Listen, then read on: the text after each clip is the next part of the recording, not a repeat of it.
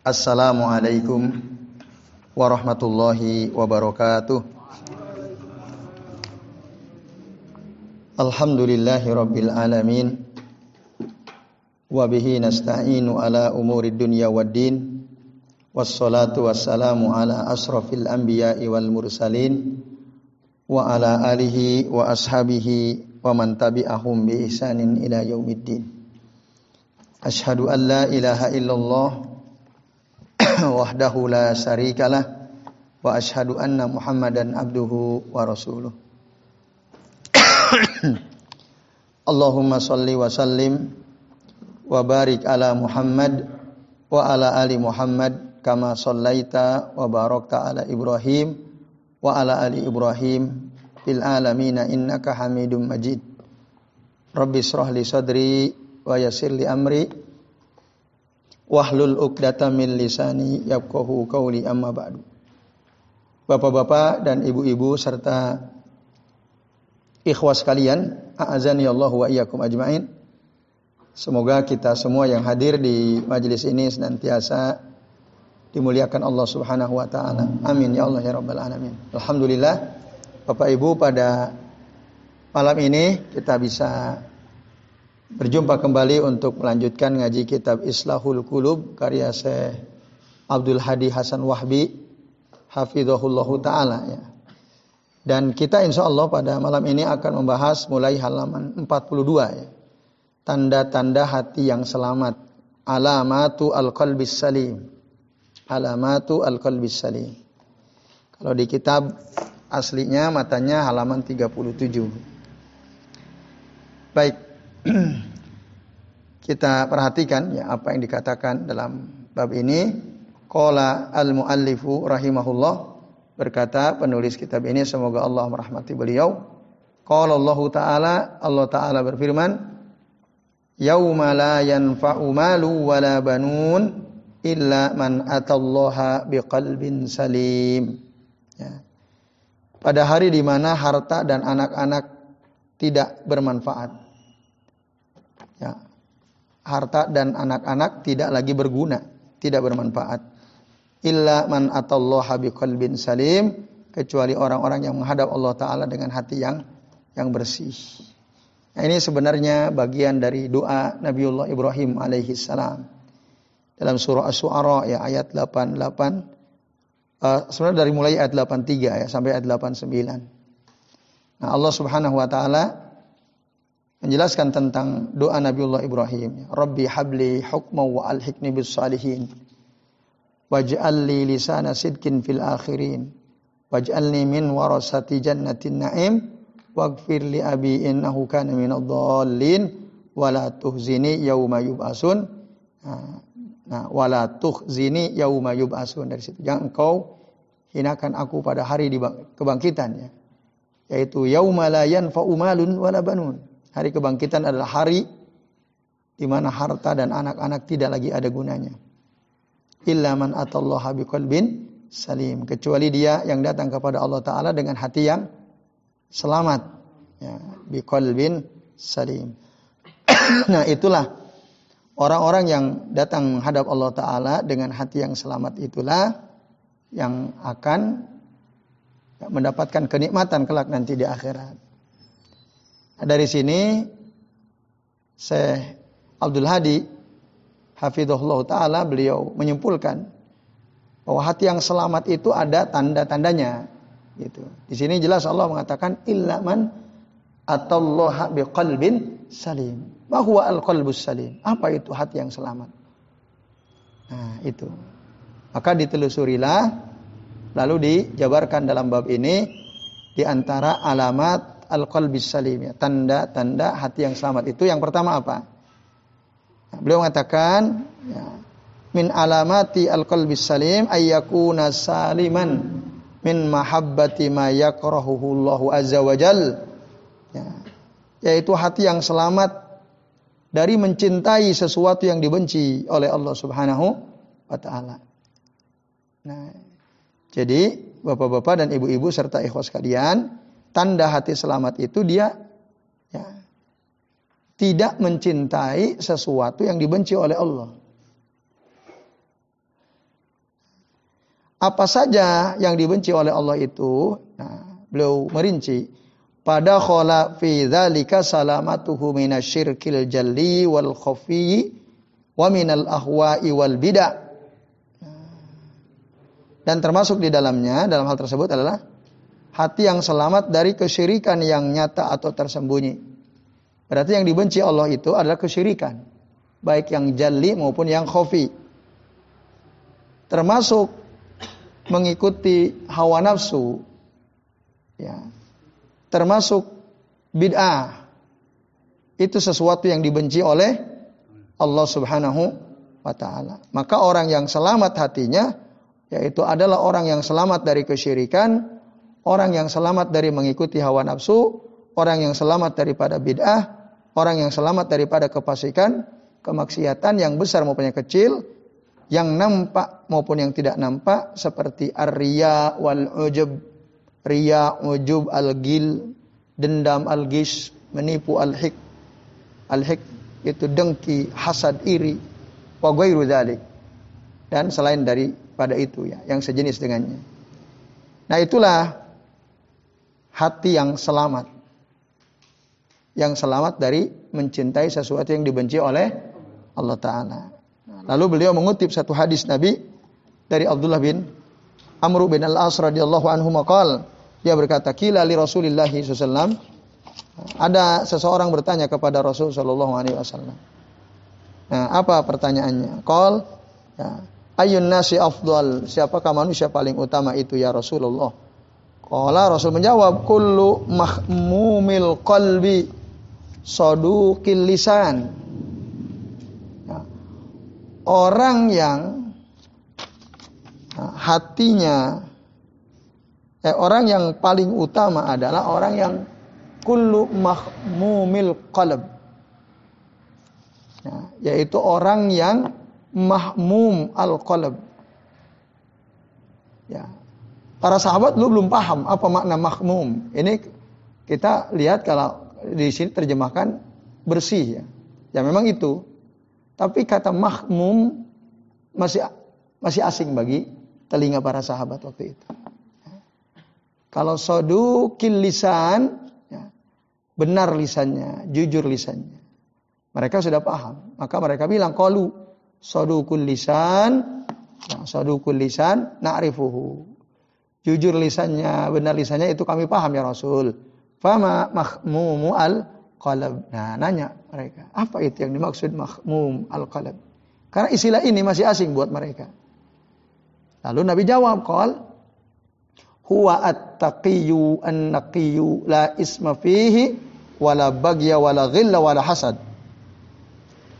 Jadi orang yang hatinya selamat adalah atau orang yang paling utama adalah orang yang hatinya bersih, jujur lisannya. Nah, jadi mahmum qalb itu adalah orang yang hatinya takwa, orang yang hatinya bersih, at-taqiyu an-naqiyu. La isma fihi, tidak ada dosa pada hatinya. Ini berat apa ringan ini? Tidak ada dosa pada hatinya. Berat ini ya. Ah. Iya.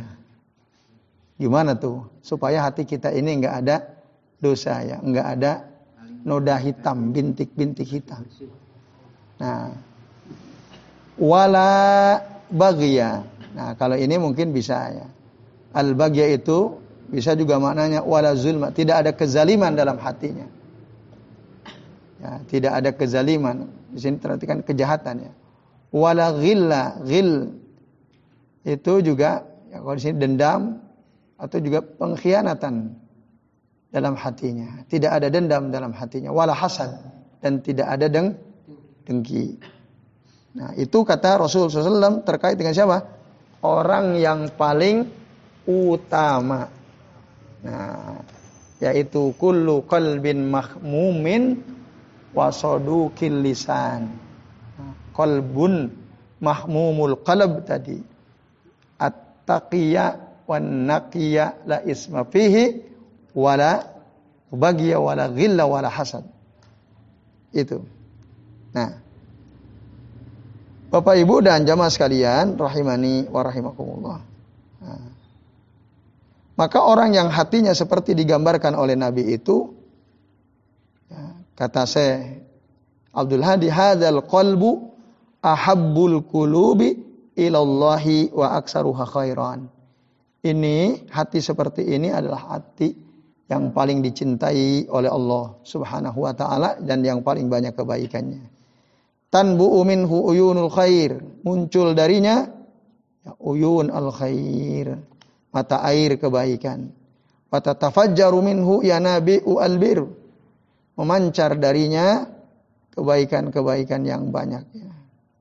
Kemudian wa mabarullahi kebaikan-kebaikan dari Allah taala wa ni'amuhu dan nikmat-nikmatnya tagsyahu alad dawam senantiasa menyelimuti dia selamanya. Itu ya. Kalau orang punya hati yang taki, naki, La isma fihi wala bagya wala gilla wala hasad. Ini sebaik-baik orang. Itu. Akan banyak kebaikan dari hatinya dia ini. Nah ini. Ya, jelas ya? Nah, itu tanda pertama orang yang hatinya ber, bersih. Tidak ada dengki. Jadi Bapak Ibu kalau kita masih punya sifat ria, itu berarti hatinya masih kotor. Kalau hatinya ada bintik hitam karena dia berbuat dosa. Nah, berarti hatinya belum selamat. Kalau ya dalam hatinya masih ada dengki, iri sama kebaikan orang lain. Ada orang mendapatkan sesuatu yang baik, iri. Iri itu ada dua ya. Nah, iri terhadap kebaikan yang didapat seseorang itu ada dua. Yang buruk. Yang pertama al mazmum, yang kedua al mamduh. Yang mazmum itu terbagi dua. Iri yang mazmum itu ada dua. Kalau ada orang mendapatkan kebaikan dia iri. Dan dia berharap kebaikan itu berpindah kepada dirinya. Boyo jangan dia, aku aja yang dapat itu. Kalau dia nggak perlu gitu ya. Iri dia. Nah ini mazmum. Nah dia ingin kebaikan itu didapatkan oleh dirinya, orang yang dia iri kepadanya itu nggak usah. Nah yang lebih parah, ketika ada orang mendapatkan kebaikan, dia berharap supaya kebaikan itu hilang darinya. Misalnya ada orang dapat beli motor baru. Dia berdoa, ya Allah semoga motornya tabrakan hancur. Dicuri orang. Dia nggak menginginkan, cuman intinya jangan sampai ada orang lebih senang dari dia gitu ya. Nah ini lebih parah ini. Nah, mazmum jelas. Tapi ada iri yang baik. Seseorang punya kebaikan, kita iri. Namanya apa ini? Al-gibutoh nama bahasa Arabnya. Gibutoh itu kita iri sama orang yang rajin ibadah. ibadah. Ini orang kok masya Allah nggak pernah telat sholat jamaah. Selalu datang di awal waktu. Kapan ya saya bisa seperti dia ya Rob? Nah itu gibtoh, iri kita sama dia. Nah ini iri dalam arti gibtoh. Maka namanya bukan sebenarnya bukan hasad walaupun Nabi La hasada illa pisnatain kata Rasul. Tidak boleh ada iri kecuali dalam dua perkara. Nah, tapi hasad yang dimaksud dalam hadis ini maksudnya gib gibutoh. Nah, ini lalu tadi pertanyaannya gimana bisa punya hati yang takwa yang bersih tidak ada dosa? Kalau tidak zalim, tidak jahat mungkin kita bisa kendalikannya. Tidak khianat, tidak dendam bisa nggak dikendalikan? insya Allah relatif gampang. Bisa lah diusahakan ya, tidak. Ada orang berbuat jahat, ah nggak deh saya, nggak dendam lah, dah maafkan saja biarin. Tidak iri, mungkin juga bisa diusahakan ya. Nah, yang agak susah diusahakan, tidak ada dosa dalam hati itu. Karena tiap kita, kata Nabi apa? Kullu bani Adam khotoun. Setiap anak Adam itu banyak salahnya. Banyak salahnya. Khotoin khotoun itu ya, sigohnya sigoh mubalagoh bentuknya isi mubalagoh yang artinya menunjukkan kesangatan, sangat banyak gitu dosa manusia itu. Kullu bani Adam khotoun. Setiap anak Adam itu banyak khoto, banyak banget salahnya. Hari ini Bapak Ibu, panjenengan merasa berbuat salah atau tidak? Hari ini. Dari tadi bangun tidur sampai sekarang? Banyak ya. Ada yang merasa, oh enggak saya bersih. Clean, clean ya. Nah itu. Nah ini yang agak repot. Tapi sebenarnya solusinya ada. Nah, karena Nabi mengatakan setiap anak Adam itu pasti banyak salahnya. Maka solusinya pun ada. Ada amalan-amalan yang otomatis bisa merontokkan dosa-dosa. Ya, contohnya Ya kita duduk di majlis ilmu seperti ini. Ini merontokkan do, dosa. Bahkan kalau kita pulang ke rumah, kalau miturut hadis Nabi ya, ya bahwa man goda ilal masjidi auroha. Barang siapa orang pergi ke masjid di pagi atau di sore hari. La yuridu illa ayyata'allama khairan au yu'allimahu. Dia tidak ingin apa-apa. Ke masjid itu ingin belajar tentang ilmu, tentang kebaikan. Au yu'allimahu atau dia ingin mengajarkan ilmu, mengajarkan kebaikan. Maka apa? Utibalahu akan dicatat untuknya pahala ajruhu ka ajri hajin. Seperti pahala orang ha, haji. Nah, pahala orang haji itu ada beberapa disebutkan dalam hadis yang sahih. Yang pertama, tidak ada pahala bagi orang yang hajinya majrur kecuali mabrur kecuali surga. Dalam hadis yang lain, orang yang berhaji lalu dia tidak merusak hajinya dengan perbuatan keji. Kata-kata kotor, summa roja'a, kemudian dia balik ke negerinya. Maka apa? Kata Nabi, kahayati yaumin waladathu ummuhu. Keadaan dia seperti hari di mana baru saja dilahirkan oleh ibunya. Berarti orang yang datang ke masjid untuk belajar ilmu lalu pulang kembali ke tempat tinggalnya apa berarti kesimpulannya? Apa? Diampuni dosa do seperti dia seperti orang yang baru pulang ha? haji yang hajinya mabrur. Kahayati yaumin waladatu um, ummuhu. Keadaannya seperti hari di mana dia baru dilahirkan oleh i. Nah, itu caranya.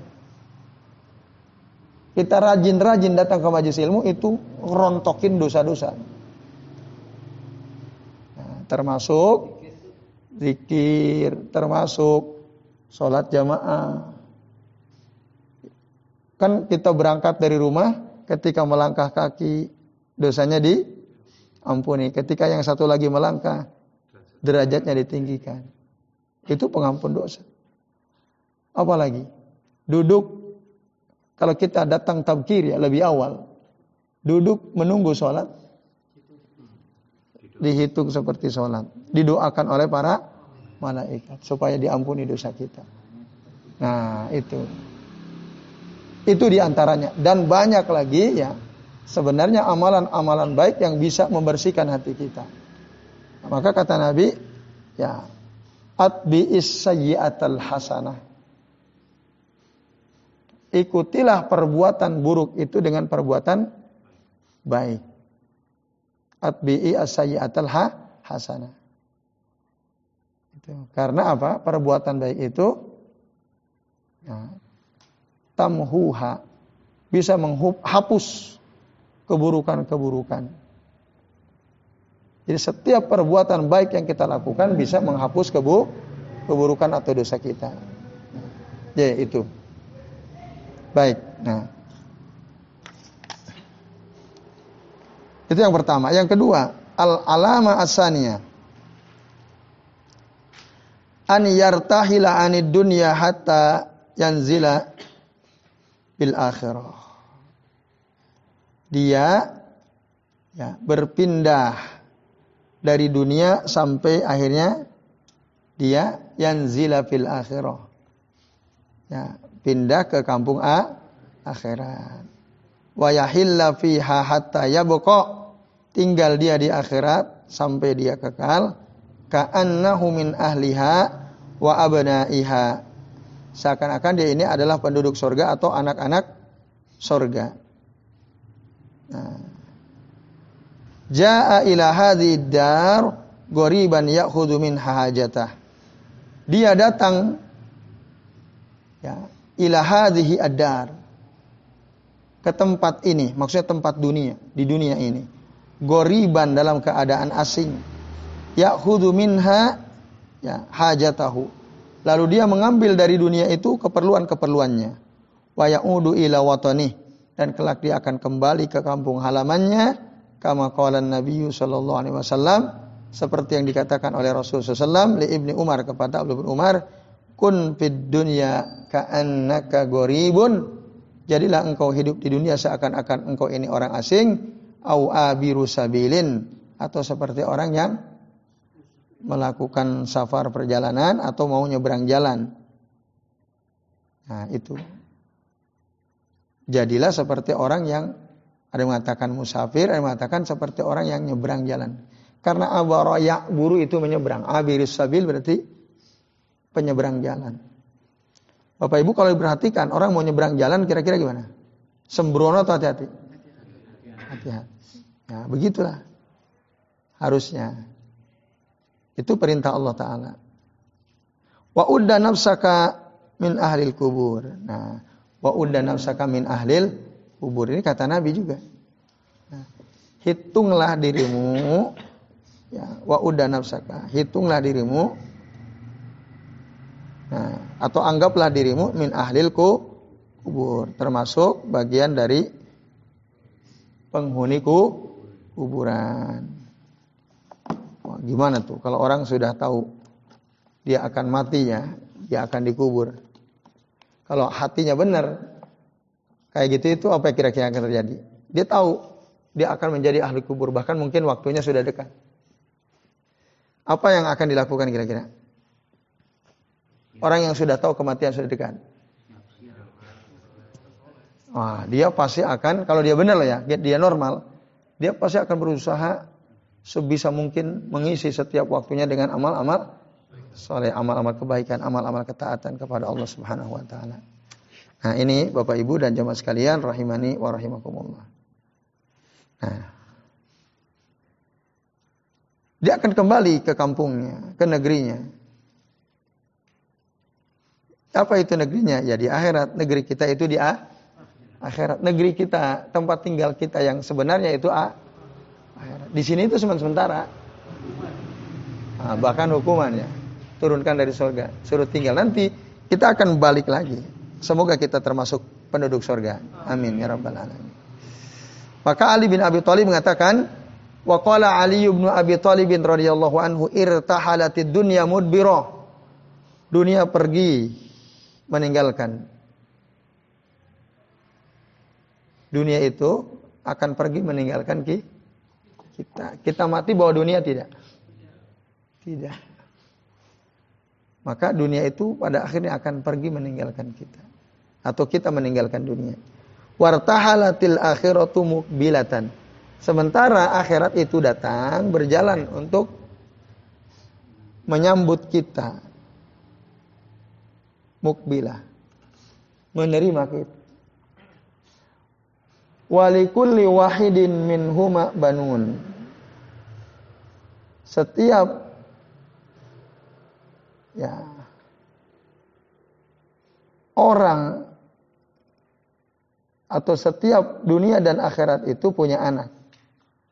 Min huma itu adunya wal akhirah. Setiap dari keduanya yaitu dunia atau akhirat itu punya anak anak. Fakunu min abna'il akhirah.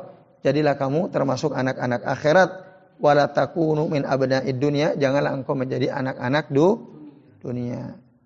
Lalu di kalimat penutup Ali mengatakan, fa inna al yauma amalun wala hisab. Sesungguhnya hari ini ini adalah tempat beramal dan tidak akan di dihisab, dibiarkan dulu. Ya. Itu. Kemudian wala fakunu min abna'il akhirah. Jadilah kamu termasuk anak-anak negeri A negeri akhirat. Nah, Itu kata Ali, wala takunu min abna'i dunia. Janganlah engkau menjadi anak-anak dunia. Ya. Fa inna al yauma amal wala hisab karena hari ini hari-hari ini kita sedang beramal gitu. Fa inna al yauma amalun. Hari ini di dunia ini adalah tempat beramal wala hisab. Tidak akan dihisab. Wa godan, godan besok. Besok yang besok kapan?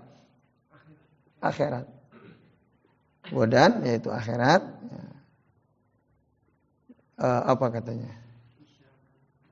Uh, hisab wala amal.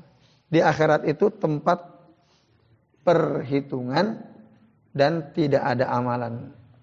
Udah selesai urusannya. Nah, ini Bapak Ibu dan ikhwas sekalian, azan ya Allah wa ya.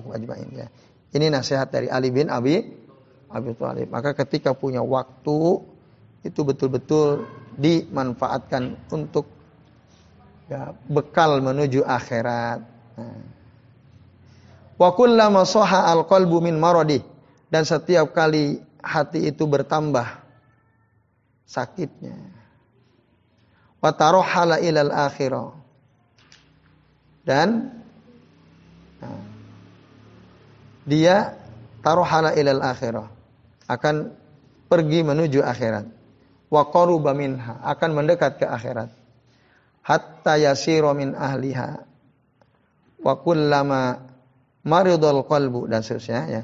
Sehingga kalau hati kita sehat kita akan fokus ke akhirat mendekat ke akhirat sampai kita pun menjadi ahli akhirat penduduk ah, akhirat Wa kullama maridul qalbu wa'talla dan setiap kali hati itu sakit i'talla, i'talla juga sakit. Jadi ada penyakitnya. Jadi setiap kali hati kita itu sakit, nah, maka setiap kali itu pula dunia dan seluruh nah, apa ini? Wa'talla asarad dunia. Dia akan mendahulukan du dia akan mendahulukan dunia. Mendahulukan untuk tinggal di dunia hatta yasira min ahliha sehingga dia akhirnya menjadi ahlu dun ahlu dunia. Akhiratnya dia lupain. Nah, ini. Wan nasu fi zaman orang-orang di zaman sekarang ini safaru mereka melakukan safar fi tolabid dunya wahya anhum zailah. Untuk apa? Mencari du dunia. Jadi orang-orang di sekarang ini nih, ketika mereka melakukan safar, tujuan tujuan besarnya adalah mencari du dunia. Wahya anhum zailah. Padahal dunia itu akhirnya akan hilang juga. Betul nggak? Akan ditinggalkan juga. Baik ketika kita masih hidup atau kalau enggak pas kita sudah meninggal. Dunia tidak mungkin ngikutin kita. Nah. Kemudian ya. adu anis safari ilal akhirah. Tapi duduk-duduk santai untuk melakukan safar ke negeri akhirat. Wahum ilaiha rohilun. Nah, dan mereka itu akan berjalan menuju sor surga atau menuju akhirat. Nah, ini orang yang hatinya apa? Bersih. Nah, orang yang hatinya bersih. Oke. Kemudian Bapak Ibu dan sekalian, nah, orang yang sakit, nah, lalu dia tidak mau melakukan safar perjalanan ke negeri akhirat. Nah, tidak mau melakukan safar ke negeri akhirat. Ada cuma duduk-duduk tok gitu. Enggak sergap sholat jamaah, tidak sergap sholat duha, tidak sergap sholat lah, lain, santai. Sholat duha, engkau lah. Saya ki jam piro? Jam 8 masih terus si dowo ya, panjang waktunya. Engkau Jam piro? Ya jam 9 10 lah. Gitu ya. Nah, Nah, ternyata Udah jam 9.10 masih ada agenda. Agendanya apa? Penting. Apa itu? Baca WA. Nah, nonton TikTok gitu ya. Chattingan. Cari berita. Nah, itu. Akhirnya sholat duhanya jadi nggak? Nggak jadi. Nah, padahal kita itu akan menuju akhirat. Di situlah kehidupan abadi kita. Tapi kebanyakan kita malah ya seakan-akan dia nyantai gitu. Tidak tergerak untuk bersungguh-sungguh mendapatkan akhirat sebagaimana sungguh-sungguhnya sebagian orang untuk mendapatkan du dunia. Nah, kalau kita harus sungguh-sungguh untuk mendapatkan ah, akhirat. Maka ya ada uh, sebuah syair ya yang disebutkan dalam kitab At-Tibyan fi Aksamil Quran. Yas'auna lima yudrikun wa yatrukuna ma hum bihi mutalabun. Orang-orang itu berusaha keras untuk sesuatu yang sebenarnya dia pasti dapat. Yang sebenarnya dia pasti dah dapatkan. Itu. Kemudian ya. Bapak Ibu dan sekalian, yas'auna lima yudrikun, mereka berusaha untuk mendapatkan sesuatu yang sebenarnya pasti mereka dapatkan wayat rukuna mahum bihi mutalabun dan mereka meninggalkan ya sesuatu yang sebenarnya mereka cari, mereka inginkan. Wayak muruna mahum anhu mungtakilun. Mereka memakmurkan sesuatu yang sebenarnya mereka sendiri akan meninggal meninggalkannya. Dunia dia betul-betul makmurkan.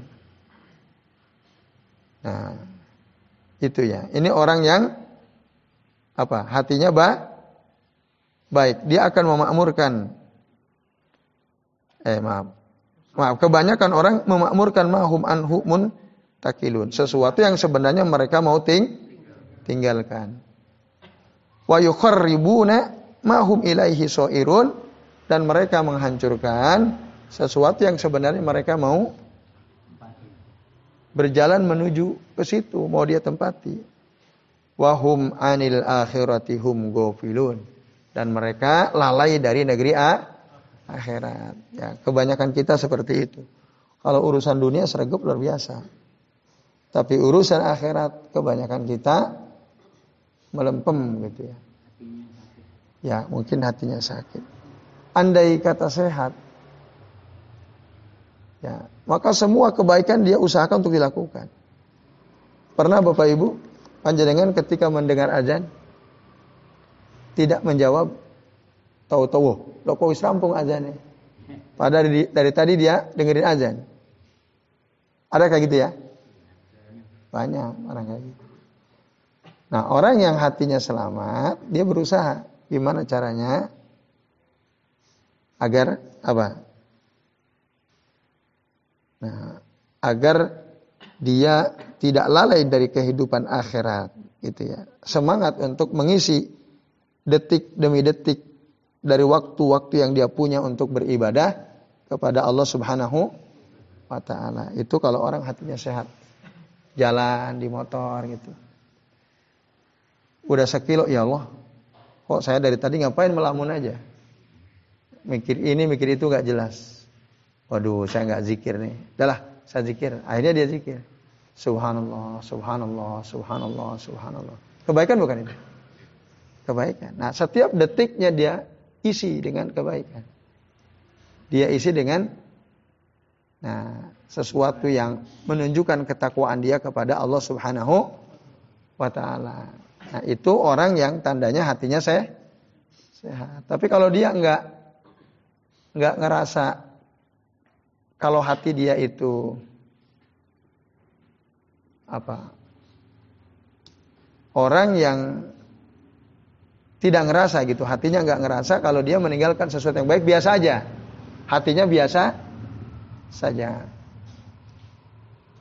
Kayak enggak ada ini aja, enggak ada penyesalan gitu ya sholat tidak jamaah, Padahal tadi pas azan ya ngobrol gitu ya. Terus ngobrol. Eh ikomah di masjid. Akhirnya dia mikir, ah ikomah. Paling juga saya ke sana udah rampung lah. Udah nggak usah sholat jamaah saja misalnya. Nah, sikap seperti itu berarti apa itu? Dia tidak bersungguh-sungguh untuk mendapatkan akhirat. Ya, iya kan? Tapi kalau orang sungguh-sungguh untuk mendapatkan akhirat tadi, setiap detiknya dia berusaha untuk isi dengan kebaikan. Ya, yang paling gampang kan zikir. Dalam keadaan apa saja bisa kan? Naik motor bisa nggak zikir? Jualan bisa zikir? Bisa. Bahkan motong kayu sambil gergaji gitu bisa zikir nggak? Bisa juga. Nah, jadi dia, oh ketika dia nggak zikir ya Rob, Tadi saya ngapain aja ya saya nggak zikir. Nah, orang kalau sudah begitu tuh perasaannya berarti orang ini hatinya sehat atau sakit? Orang yang sudah ngerasa, aduh saya tadi nggak jamaah kenapa ya? Menyesal, itu tanda hati dia sehat atau sakit? Sehat. Tandanya saya. Tapi kalau kita sama sekali tidak ada penyesalan ketika meninggalkan meninggalkan sholat duha, meninggalkan sholat jamaah. Biasa, aja, nggak ada penyesalan. Ini tandanya apa? Anna qalbahu marad. Bahwa hati orang ini sakit. Jadi saya kira sementara ini ya sampai alamat atau tanda yang ke kedua. Insya Allah nanti selebihnya kita akan lanjut di kesempatan yang akan datang. Baik Bapak Ibu dan ikhwas sekalian, uh, sebelum diakhiri ini jam 9 lewat 22 ya. Ada waktu kira-kira 8 menit lah. Sampai 10 menit. Kalau ada di antara Bapak Ibu yang mau bertanya kami persilahkan. Adakah yang mau bertanya?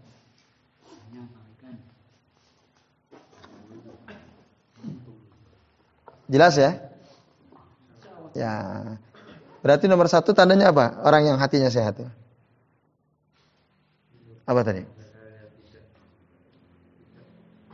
tidak mencintai sesuatu yang dibenci oleh Allah Subhanahu wa taala. Itu bahasa sederhananya. Artinya atau apa bahasa lainnya? Membenci sesuatu yang dibenci oleh Allah. Itu hatinya saya.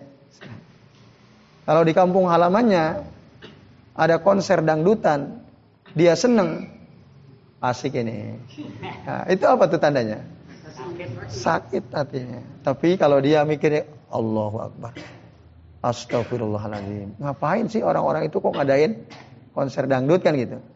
Komentarnya gitu, astagfirullah. Apa tuh tandanya? Hatinya saya sehat. Ya udah gitu, gampang sebenarnya. Ngukur hati kita ini sehat apa sakit, gitu aja. Kalau antum melihat kemaksiatan kok antum santai aja, berarti itu antum sakit tuh. Ah, maksudnya nggak kerasa gimana? Nah, iya betul. Nah, berarti gimana tuh? Kalau orang hatinya lalai, sakit apa sehat? Ya termasuk sakit itu. Lagi sakit, itu lagi sakit. Jadi untuk ukurnya itu yang mungkin. Alat ukurnya kadang-kadang ketinggalan. alat ukurnya ketinggalan atau alat ukurnya yang tumpul? tumpul, gak ketinggalan ada sebenarnya kan. Cuman tumpul gitu. Ya karena kotor itu, ya kan? Ah, ah, nah itu. Jadi hati akhirnya jadi nggak peka. Gitu. Jadi nakata fi qalbihi nuktata sauda itu. Salah dikit biarin, salah dikit biarin, salah dikit biarin. Enggak enggak diikuti dengan kebaikan. Nah, akhirnya lambat laun jadi hitam, hitam, hitam, hitam. Eh, kalau sudah hitam, hitam, hitam, kurang peka hatinya sudah nggak peka lagi tuh. Ada kemungkaran biasa aja. Dia marah, ditolelir lah sama dia tolelir. Nah itu. Nah berarti itu hatinya lagi sa sakit. Itu tanda pertama ya. Yang kedua, apa tanda orang yang hatinya sakit? Eh yang hatinya bersih. Nah jadi orientasinya itu dunia apa akhirat? akhirat, orientasi akhirat. Dia selalu mikir,